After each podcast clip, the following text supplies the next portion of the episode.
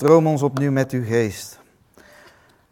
Laten we dan ook bidden nu dat we de woorden van Jezus zelf door zijn Heilige Geest tot ons mogen laten doordringen in de diepste vezels van ons leven, van ons bestaan. Heere God, ik dank u wel, Heere. Ik dank u wel, Heere, dat u uzelf hebt gegeven. Dat u gestorven bent aan het kruis, uw leven hebt overgegeven, zodat wij het leven in u konden vinden, Heere. Ik dank u wel, Heere, dat u een goede herder bent. Van ons houdt, een herder die zijn leven geeft voor zijn schapen. Heer, en ik dank u wel, Heer, dat u ons de kracht geeft, de opstandingskracht van uw Zoon Jezus Christus, door uw Heilige Geest heen. Heer, dank u, dank u, dank u. Heer, en ik bid, Heer, dat u vanochtend tot ons spreekt en ons tot leven wekt, ons weer aanspoort, ons weer bekrachtigt in liefde, in afhankelijkheid, in genade, in beleidschap en in vrede met u en met elkaar. In Jezus' naam. Amen. Amen. Mooie, mooie zangdienst was het ook. Kijk. Ja, ja, ja, ja, ja, ja, ja. ja. Zonnetje gaat schijnen. Nou, gelukkig. Ja, want uh, van de week, uh, ja, de, de, kinderen zijn natuurlijk thuis en uh, ik weet niet hoe het bij jullie zit, maar ik zit wel af en toe, kijk ik even hoeveel weken is het nog voordat de scholen beginnen. En ik zat, ik zat boven mijn preek voor te bereiden en Rachel was Maria op bed aan het leggen. En ineens was het stil in mijn huis. Ja, dat was fout. Dus ik wist niet hoe snel ik naar beneden moest. En dus ik naar beneden, ja, en dan zag je het, hè. Daar zaten de drie jongens met, met zo'n blauw schelpje, daar hebben zo'n schelpje met zandbak, in de huiskamer. Ik zei, zijn jullie aan het doen? Met zand in de huiskamer aan het spelen. Ja, het is trouwens een goede reden. Het regende buiten. dus ik ben blij dat de zon schijnt. Ja, maar uh, ja, we gaan het vandaag uh, hebben over uh, wat sommige zaken. Ik wil het graag met jullie gaan hebben over wijn, over de wijnstok. En ik, ik, ja, ik wil wat over God vertellen natuurlijk. En hoe God ook naar ons kijkt en wat eigenlijk de potentie ook die wij hebben als gemeente en als individu. En wat God eigenlijk allemaal voor ons, uh, met ons van plan is. Het kan een beetje confronterend zijn. Het kan ook bemoedigend zijn. Uh, ik neem ook wel eventjes de tijd hiervoor om daarbij uh, bij stil te staan. Maar laat het, ook, uh, ja, laat het ook tot je doordringen. En we gaan het hebben over de ware wijnstok. Kom tot je doel. Dat is het ja, thema van deze preek van vandaag. Kom tot je doel. We beginnen bij, met Jezaja. Dan leg ik wat uit en dan ga ik naar Johannes toe. Dus pak je Bijbel erbij. Ik heb het niet op de beamer staan. Natuurlijk hoeft dat allemaal niet. We hebben allemaal een woord gekregen van God. Dus. Jezaja hoofdstuk 5. En dan lees ik vers 1 tot en met 3. Jezaja hoofdstuk 5 vers 1 tot en met 3. Ik wil graag voor mijn beminde zingen. Een lied van mijn geliefde over zijn wijngaard. Mijn beminde had een wijngaard op een vruchtbare heuvel. Hij spitte hem om en zuiverde hem van stenen. Hij beplantte hem met edele wijnstokken. In het midden ervan bouwde hij een toren en hakte ook een perskuip daarin uit. Hij verwachtte dat hij goede druiven zou voortbrengen, maar hij bracht stinkende druiven voort. Punt. Ik laat het eventjes hierbij. Um, God die laat zich hier op een bijzondere manier weer zien.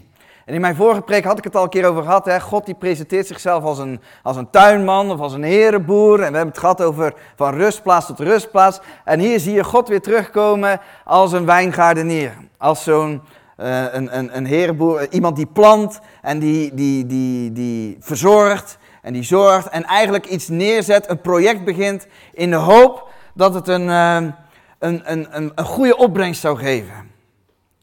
En wat we hier lezen is best wel bijzonder, want we zien dat God eigenlijk alles doet om, het, om de oogst goed te laten lukken.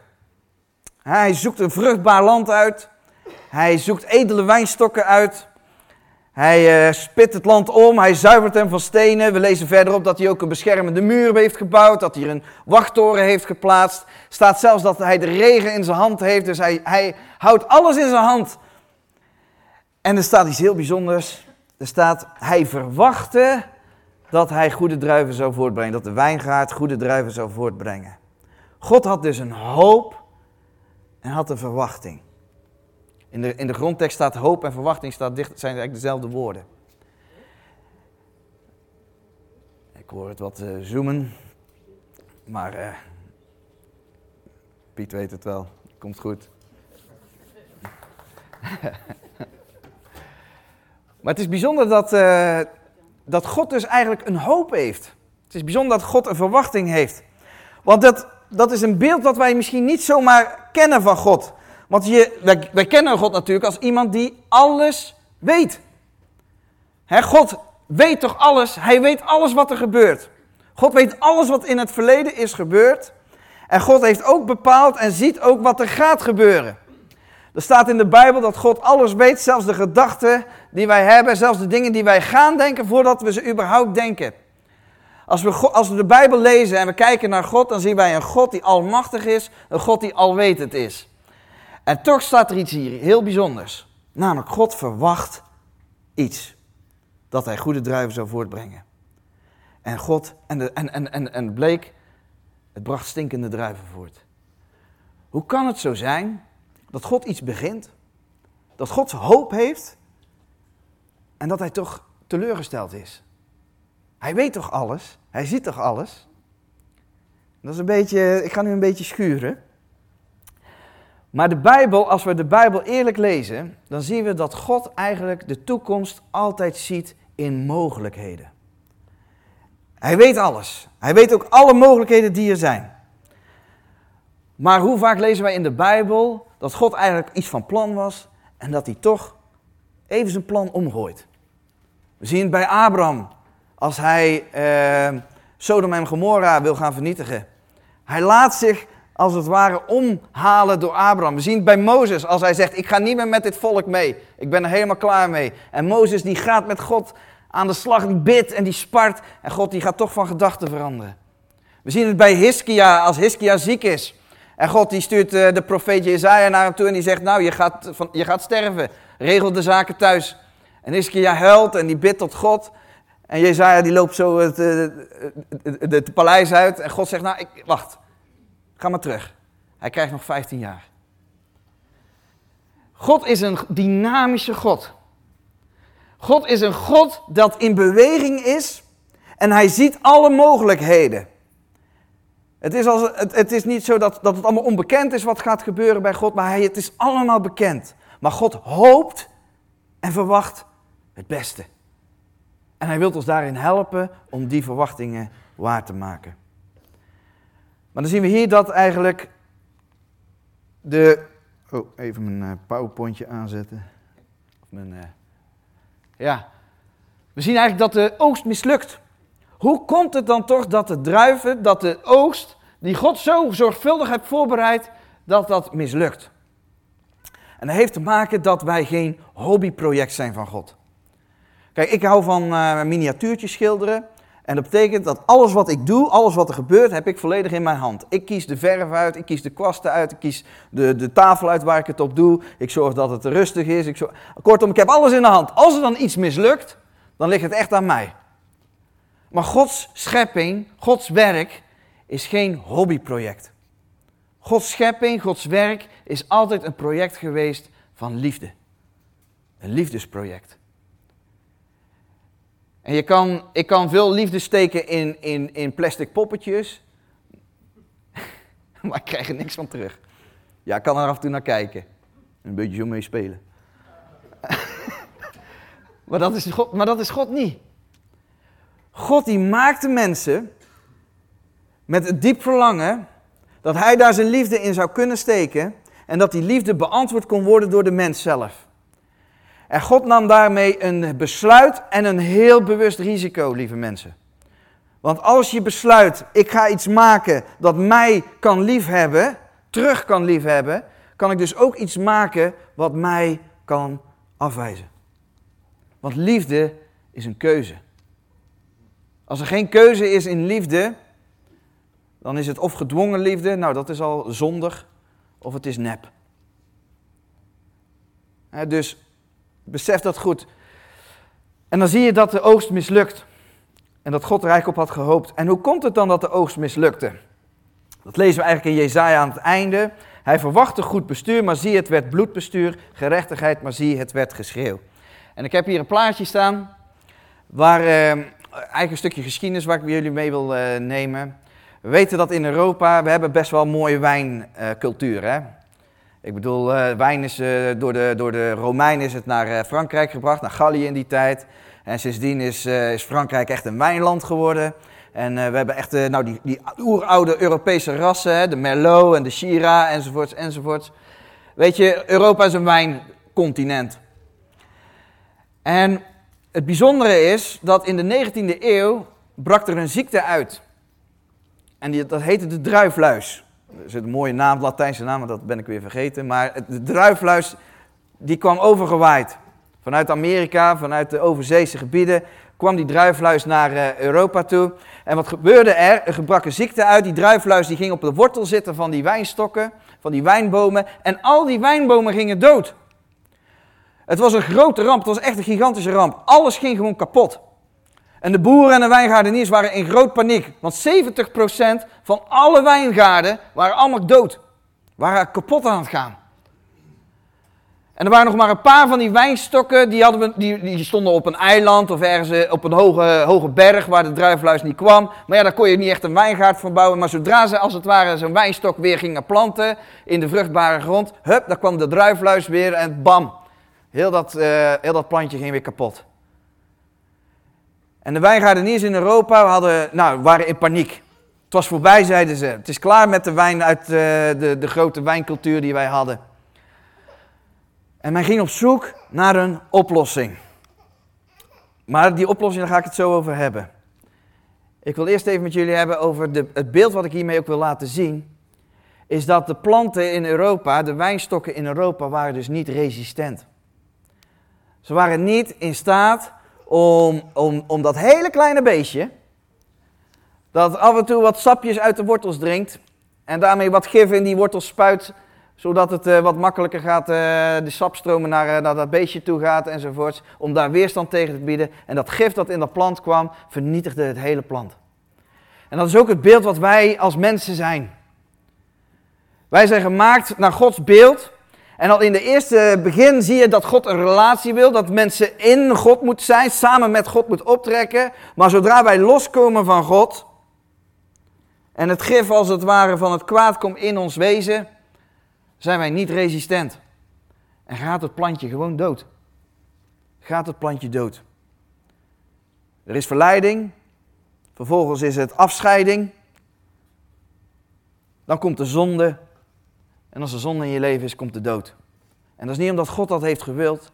Het is gewoon omdat wij niet in staat zijn om op onszelf, in onszelf, weerstand te bieden. Wij zijn niet resistent. Maar ik wil met jullie verder lezen. In Jezaja uh, hoofdstuk 4, iets ervoor, staat er iets heel moois. Er staat in Jezaja hoofdstuk 4, uh, eh, vers 2, staat er namelijk een profetie. Er staat, op die dag zal de spruit van de Heer tot een heerlijk sieraad zijn en de vrucht van de aarde tot glorie en luister voor hen in Israël die ontkomen zijn. God zegt, let op, er komt een nieuwe spruit. Er komt iets nieuws aan. En die spruit zal een sieraad zijn, een heerlijk sieraad. En de vrucht van de aarde zal tot glorie en luister zijn. Voor wie? Voor hen die het ontkomen zijn. Voor hen die het overleefd hebben. Voor hen die als het ware heel die ja, turbulentie Jezaja gaat over Israël natuurlijk. En dan gaat het ook over, over, de, over de verspreiding van, eh, van, van de Joden. Dat ze meegevoerd werden naar Babylon en zo. Maar daar ga ik nu niet over hebben. Maar hij zegt, er komt een spruit jongens. Let op, let op die spruit. En ik wil met jullie daarom ook lezen Johannes 15, vers 1 tot en met 10. Want daar gaat het dus over die, die spruit. Die spruit. Johannes 15. Staat ook niet op. Lees het even samen. Er staat. Ik ben de ware wijnstok en mijn vader is de wijngaardenier. Elke rank die in mij geen vrucht draagt, neemt hij weg. En elke rank die vrucht draagt, reinigt hij, opdat zij meer vrucht draagt.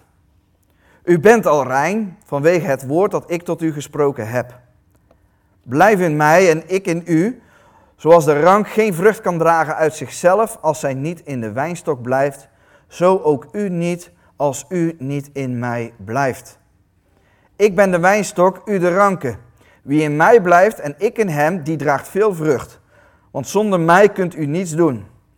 Als iemand niet in mij blijft, wordt hij buitengeworpen zoals de rank en verdord. En men verzamelt ze en werpt ze in het vuur en zij worden verbrand. Als u in mij blijft en mijn woorden in u blijven, vraag wat u maar wilt en het zal u ten deel vallen. Hierin wordt mijn Vader verheerlijkt dat u veel vrucht draagt en mijn discipelen bent. Zoals de Vader mij lief gehad heeft, heb ook ik u lief gehad. Blijf in mijn liefde. Als u mijn geboden in acht neemt, zult u in mijn liefde blijven, zoals ik de geboden van mijn Vader in acht genomen heb en in zijn liefde blijf. Lieve mensen, ik ga nog even terug naar die wijnplanten in Europa die kapot waren gegaan. Er werd een oplossing gevonden. En die oplossing was als volgt. In Amerika, in Noord-Amerika, waren er wijnstokken die waren resistent tegen de druifluis. En de boeren in Europa haalden die wijnstokken, haalden ze van Amerika, haalden ze naar Europa toe. Maar ze waren best wel een beetje huiverig. Want ze dachten bij zichzelf, ja, wij kunnen nu wel uh, uh, uh, takken, wij kunnen nu de, de ranken kunnen wij wel afbreken, afsnijden van de oude plant en gaan enten in die nieuwe plant. Maar wat gaat er dan gebeuren? Wat gaat er dan gebeuren met de smaak? Wat gaat er dan gebeuren met die oude rassen die wij hebben, die Merlot en die Shiraz enzovoorts, enzovoorts, enzovoorts? En dat was, was een goede vraag, maar ja, het was een keuze. Het was een keuze of we gaan het proberen, of het gaat dood. En ze gingen het proberen. Dus ze sneden die, die, die, die ranken af, ze sneden die wijnstok sneden ze open. En ze, ze braken ook stokken af van die, van die, van die nieuwe wijnstok, zodat, die, zodat er nieuwe ranken opgezet kon worden. Ze verbonden het en ze werden geënt. En ze gingen kijken wat er gebeurde. En er gebeurde iets heel bijzonders. Allereerst, de smaak veranderde niet. De Shiraz bleef nog smaken naar de Shiraz. De Merlot bleef nog smaken naar de Merlot. Gelukkig, dachten die wijnboeren.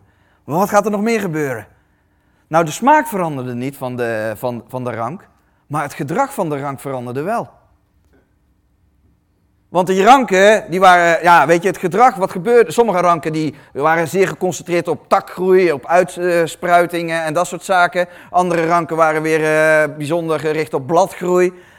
Maar de ranken die geënt waren op die nieuwe druifstok, wat gebeurde er? Die begonnen juist meer gericht te zijn op het dragen van vrucht. Dus er kwam meer vrucht. Nog een positief effect. Was er dan geen negatief effect? Ja, er was wel een negatief effect. Ze leefden korter. Ze gingen eerder dood. Tja. En ik vind het een bijzonder beeld. Een bijzonder beeld van eigenlijk hoe Jezus Christus ook voor ons, wat hij voor ons heeft gedaan. Want het is een keuze geweest. En God die zegt, wacht even, ik zie dat de wijnstok van zichzelf niet resistent is. Maar ik heb een oplossing. Ik, ik plant een nieuwe wijnstok, ik plant een nieuwe wijn, wijnboom. En dat is mijn eigen zoon. En God zelf is mens geworden, is naar de aarde gekomen. En hij is, heeft meteen alle aanvallen gehad. Alle verleidingen. Alle, alle aanvallen in zijn persoon. De duivel is, is bij hem geweest. En wat is gebleken? Jezus is resistent gebleken tegen de aanvallen van de boze. Het had geen effect. En toen God dat zag, hé, hey, mijn zoon is zuiver, mijn zoon is goed. Wat ga ik nu doen? Nu ga ik hem breken. Want ik heb een betrouwbare plant gevonden. En hij brak zijn zoon aan het kruis zodat ieder die naar Jezus toe gaat en zegt: Jezus, ik kan het niet. Help mij. Gebroken mensen die naar Jezus toe gaan, zegt God, kom maar. Ik end je op Hem. Ik plant je in Jezus Christus. Want Hij is betrouwbaar. Het is goed dat je erachter komt dat je zelf niet resistent bent. Het is goed dat je weet, het lukt mij niet. Ik kan niet weerstand bieden tegen het kwade. Ja, we doen heel veel goede dingen. Zeker weten. Maar om heel eerlijk te zijn, in de kern van je wezen, lukt het altijd om het goede te doen? Lukt het altijd om de wil van God te doen? Zijn jouw vruchten altijd smakelijk? Nee. Sterker nog, de meeste vruchten die we zonder Jezus produceren, die we zonder God produceren, zegt God, ja, dat, dat, daar zit helemaal geen smaak aan. Die stinken. Die zijn niet uit liefde voor Hem en uit liefde voor elkaar.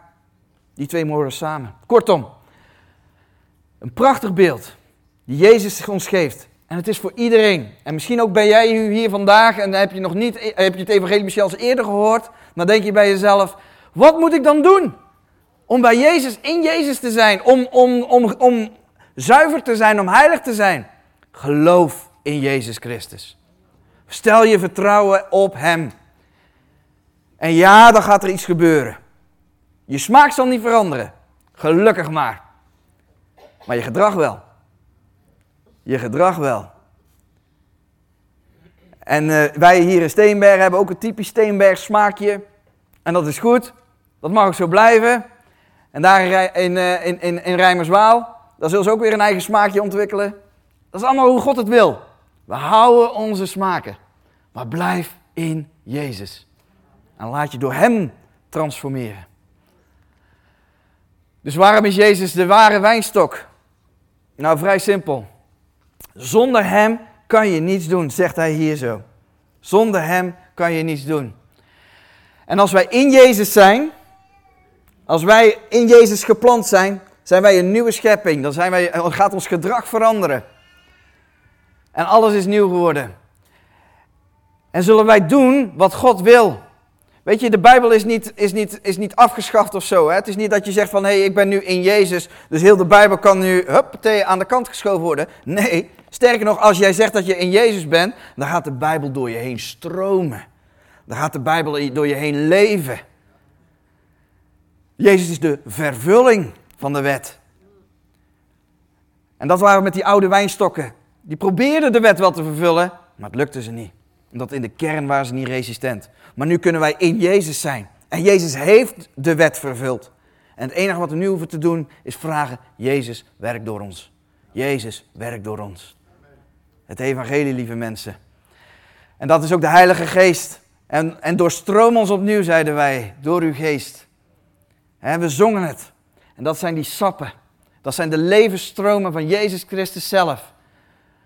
Want we weten het ook wel. Ja, oké, we hebben het woord. Ja, we zijn in Jezus.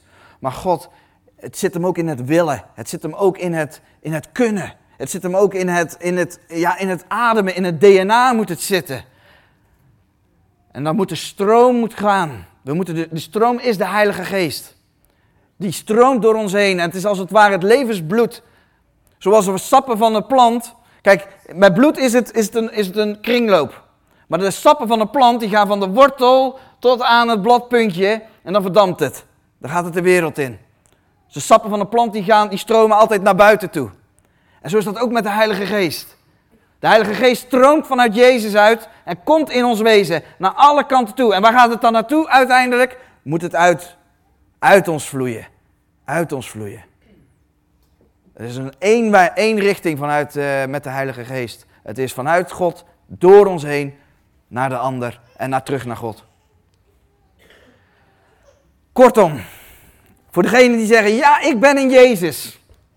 Ik ben in Jezus. Ik heb geloof in Hem. Ik heb mijn vertrouwen in Hem gesteld. Nu ga ik naar het tweede gedeelte van mijn preek.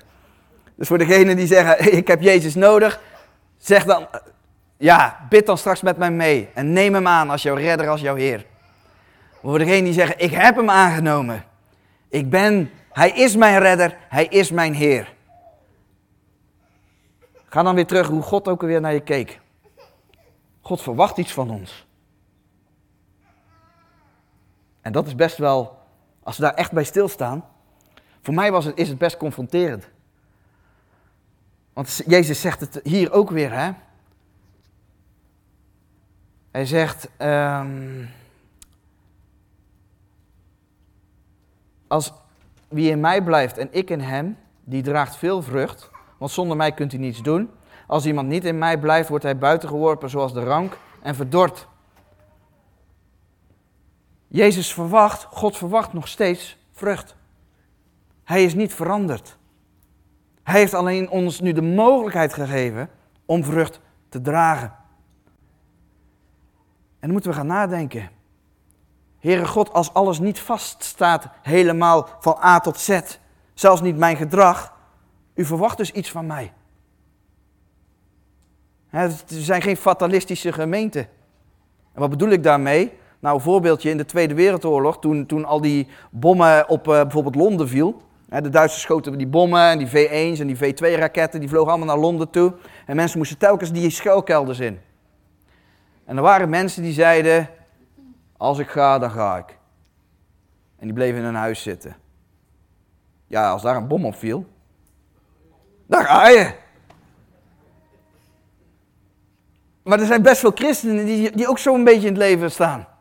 He, sera, whatever will be, will be. Van die, van, die, van die dooddoeners. Ja, als het gebeurt, dan gebeurt het. Als het is, dan is het. Nee. Reageer en denk na. God geeft jou mogelijkheden. Als er een schuilkelder is, ga je naar de schuilkelder toe.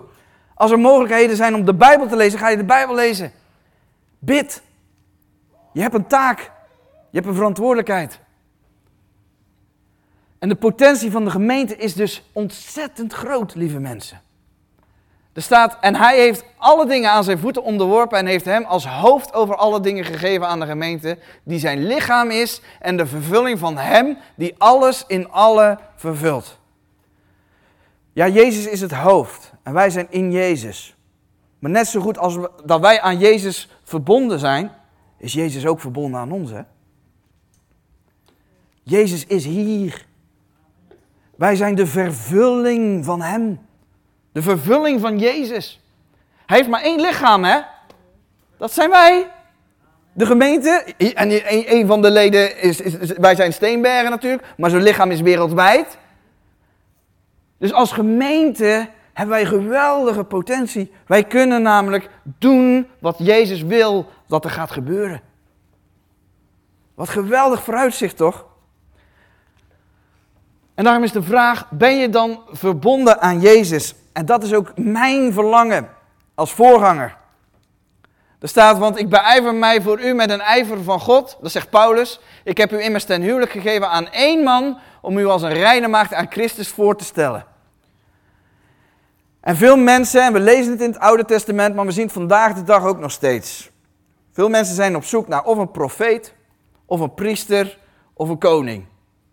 En ook de christenen vandaag de dag zijn op zoek naar of iemand die vertelt wat God zegt en wat God denkt, een profeet. Of ze zoeken naar een priester, iemand die voor je bidt. Of ze zoeken naar een goede leider, iemand die voor jou de besluiten neemt. Maar die drie dingen heeft God aan jou gegeven. Jij moet zelf naar God gaan en zijn stem verstaan. Je hebt zelf een woord gekregen vol met woorden van profetie. En God wil ook tot jou persoonlijk spreken. Jij moet zelf gaan bidden. Jij moet zelf als priester op gaan treden. Voor jezelf, voor je gezin, voor alles waar je over gesteld bent. En je moet zelf als koningen gaan regeren, besluiten nemen, verantwoordelijkheid dragen. Want dat heeft God voor jou in petto. Dus kijk niet naar mij alsjeblieft. Kijk naar Hem. Kijk naar Jezus. Daar draait het om. En daar wil ik jullie aan verbinden. En daarom ook, als zij de twee weken geleden, die zei, ja Edwin gaat nog wel eens een keer een preek houden over aanbidding. Nou, ik hou een heel kort preekje over aanbidding. Dit is het. Ik roep u dan toe op, broeders, door de ontferming van God, om uw lichamen aan God te wijden als een levend offer. Heilig en voor God welbehagelijk. Dat is uw redelijke godsdienst. Wil je weten wat aanbidding is? Dan moet je eigenlijk zeggen, Heer, hier ben ik. Een levend offer zijn. En dat is niet onderdanig. Ja, dat is. Ja, en. Dat is onderdanig zijn. Dat is uh, uh, gehoorzaam zijn. Maar weet je wat vooral alle, alle, allerbelangrijkste is? Beschikbaar zijn. Ben jij beschikbaar? Want ieder van ons heeft iets gekregen van God. Eén heeft veel talenten gekregen, de ander heeft eh, wat minder talenten gekregen. God is daar, ja, die is daar soeverein in, die besluit daarin. Maar weet je, dat God liever een zwak armpje heeft, die wat voor hem doet, waar hij wat mee kan, die beschikbaar is, dan zo'n gespierde klomp dat er maar een beetje aanhangt. Wij zijn zijn lichaam. En als jij talenten hebt gekregen, als jij gaven hebt gekregen, dan mag jij zeggen: God, hier ben ik. Wat kan ik voor u doen? Hoe kan ik u dienen? En er staat werk, is ook weer iets bijzonders. Er zijn mensen die zeggen: ja, maar het is toch allemaal genade? Nu ga je toch wel heel erg ver met je, met je, met je, werk, uh, je werken en je aansporingen en je activeringen. Het is toch genade? God doet het toch in ons? Amen. Maar hier staat iets heel moois. Werk aan uw eigen zaligheid met vrees en beven, want het is God die in u werkt, zowel het willen als het werken, naar zijn welbehagen. Hé, hey, dat lijkt een contradictie. Hoe zit dat nou? Moet ik nu werken of is God die het nu werkt door mij heen? Het is het allebei. Als jij zegt, lieve God, lieve Vader, Jezus Christus, mijn koning, mijn Heer, hier ben ik. Wat kan ik voor u doen? Dan zul je merken dat het eerste wat jij gaat doen, is op je knieën gaan en gaan vragen, help mij Jezus. Want ik wil niet altijd uw wil willen. Ik wil niet altijd de dingen doen die u wilt. Doe het willen in mij veranderen. En weet je, ik doe nu samen met Koos iedere ochtend hier bidden. En het bijzondere is, laat niet stommen zeggen, maar het bijzondere is, wij bidden en wat gebeurt er? Wij gaan nog meer bidden. We zeggen, God help ons. En wat gaan we daarna doen? Gaan we nog meer vragen, God help ons. Help ons, help ons, help ons. Er is zoveel wat er gedaan moet worden en ik kan het niet overzien. God help ons, help ons, help ons. Ik wil uw wil willen. En vervolgens, als ik dan Gods wil wil, dan vraag ik, help mij dan om het te doen. Dat is wat, hier, wat Paulus hier bedoelt. En wees zich geen ding bezorgd, maar bid. Bid, lieve mensen. Want God is een God die dus in beweging is. En daarom ook, ik heb mijn broeders en zusters gesproken ook. En sommige broeders en zusters die worstelen en die strijden met gebed. Ja, dat doe ik eigenlijk niet altijd. Ja, waarom niet? Ja, ik snap het hoor. Nou, eigenlijk snap ik het niet. Want je begint ermee. En, en, en God is dus een God van mogelijkheden. En als jij niet in verbinding staat met Hem, nou dan weet ik één ding, dan zal je niet goede vruchten dragen. Maar als jij het verlangen hebt om goede vruchten te gaan dragen, ga je dus verbinding zoeken met Hem. Laat, ga bidden. Ga bidden. Dat hoeft niet per se eh, om zes uur s ochtends hoor. Vanavond is het ook weer gebidstand. En geloof, is het dan alleen geloof? Ja. Maar ga dan ook dingen, voeg dan dingen toe aan je geloof, zegt Petrus. Niet om gered te worden, nee. Maar wil je weten wat dan, wat zijn dan vruchten? Kunnen we dan even praktisch zijn? Kunnen we even concreet zijn? Jazeker. Voeg dan aan geloof deugd toe. Deugd? Wat is dat voor een woord? In een andere Bijbelvertaling staat vroomheid. Vroomheid? Wij zijn toch een kerk dat juist niet probeert vroom te zijn. We zijn toch altijd oprecht en eerlijk? Ja. Maar je hoeft niet per se allemaal van dat grove taalgebruik te zeggen hoor. Je, je mag ook, ook wel eens een keer iets, iets vriendelijks zeggen. Zet de vuilnisbak van de buurman eens een keer buiten. En als die buiten staat, zet hem dan terug bij hem voor de deur. Dat is maar kleine moeite. Ja, dat is wel heel vroom. Doe het nou maar gewoon. Waarom niet?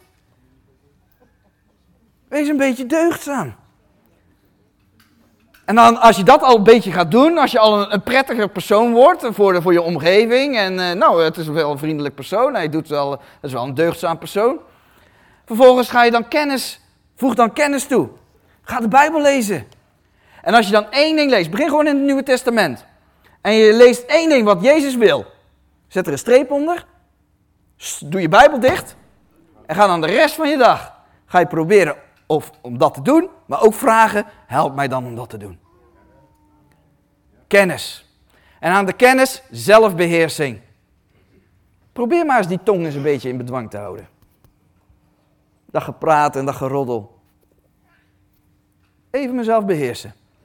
Ga eens op tijd naar bed.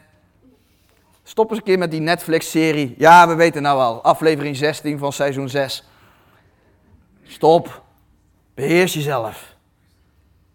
Dat zijn allemaal vruchten van God. En aan de zelfbeheersing volharding. Als je dan het gebed hebt, als je dan de samenkomsten bezoekt. Pa, uh, Ad heeft erover gepreekt. Hou vol. Blijf doorgaan. Als je afzwakt, oké, we pakken het weer op. We gaan weer beginnen. Niet zielig lopen doen en zeggen, oh heer, nu heb ik al zo lang niet gebeden. Nou, dan gaan we weer beginnen.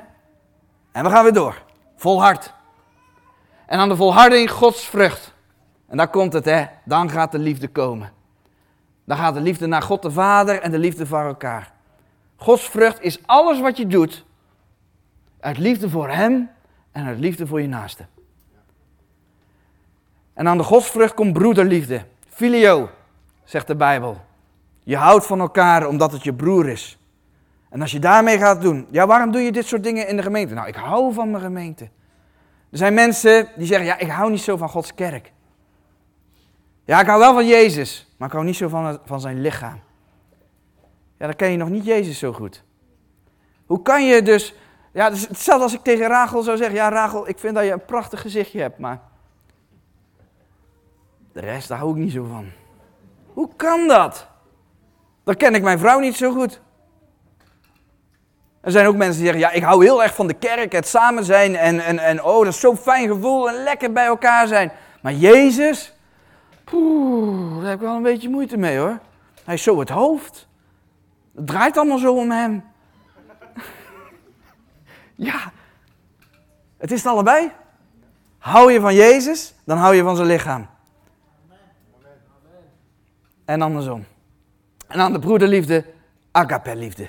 Liefde voor iedereen. Want als je beseft dat Jezus is en wat hij gedaan heeft voor iedereen die daar gebroken is, alle wijnstokken die daar nu aan dood gaan zijn, dan weet je, die moeten gered worden. En ik hou van ze, ik ga ze er binnen halen. Ik ga ze naar Jezus brengen. Blijf in mijn liefde. En uh, neem zijn geboden in acht. Liefde is ook gehoorzaamheid. Het is niet alleen maar gevoel, is ook gewoon doen. Ik hou van jou, ik doe het. Kom tot bloei, lieve mensen, en draag vrucht. Zullen we bidden met elkaar? ik wil eerst bidden voor de mensen die zeggen: Help, ik heb Jezus nodig. En misschien zit je hier en ik wil jou daarom, bid dan met mij mee. Voor degene die Jezus al kennen, mogen ook mee bidden natuurlijk. Maar als dit de eerste keer is, laat dan bewust van zijn. Zeg dan met mij na. Heere Jezus, ik kom tot u. Help mij. Heere Jezus, ik wil in u geloven. Ik wil u vertrouwen. Neem mij aan. En ik neem u aan, Heer Jezus. Hier ben ik, Heer Jezus. Ik geloof in u. Amen. En voor de mensen die in Jezus al geloven en hem al volgen, dan bidden we gewoon nu gezamenlijk gewoon een, een gebed. En ik bid, ik bid ook met jullie dus mee. Lieve Jezus Christus, help ons, Heer Jezus, om uw wil te doen. Heer Jezus, wij zijn aan u verbonden en ik dank u wel dat, u, dat wij gered zijn, dat wij geheiligd zijn, dat wij in u zijn, dat wij niet zullen sterven. Dankzij u, Jezus Christus, want wij zijn in u. En de zonde heeft geen vat meer op ons.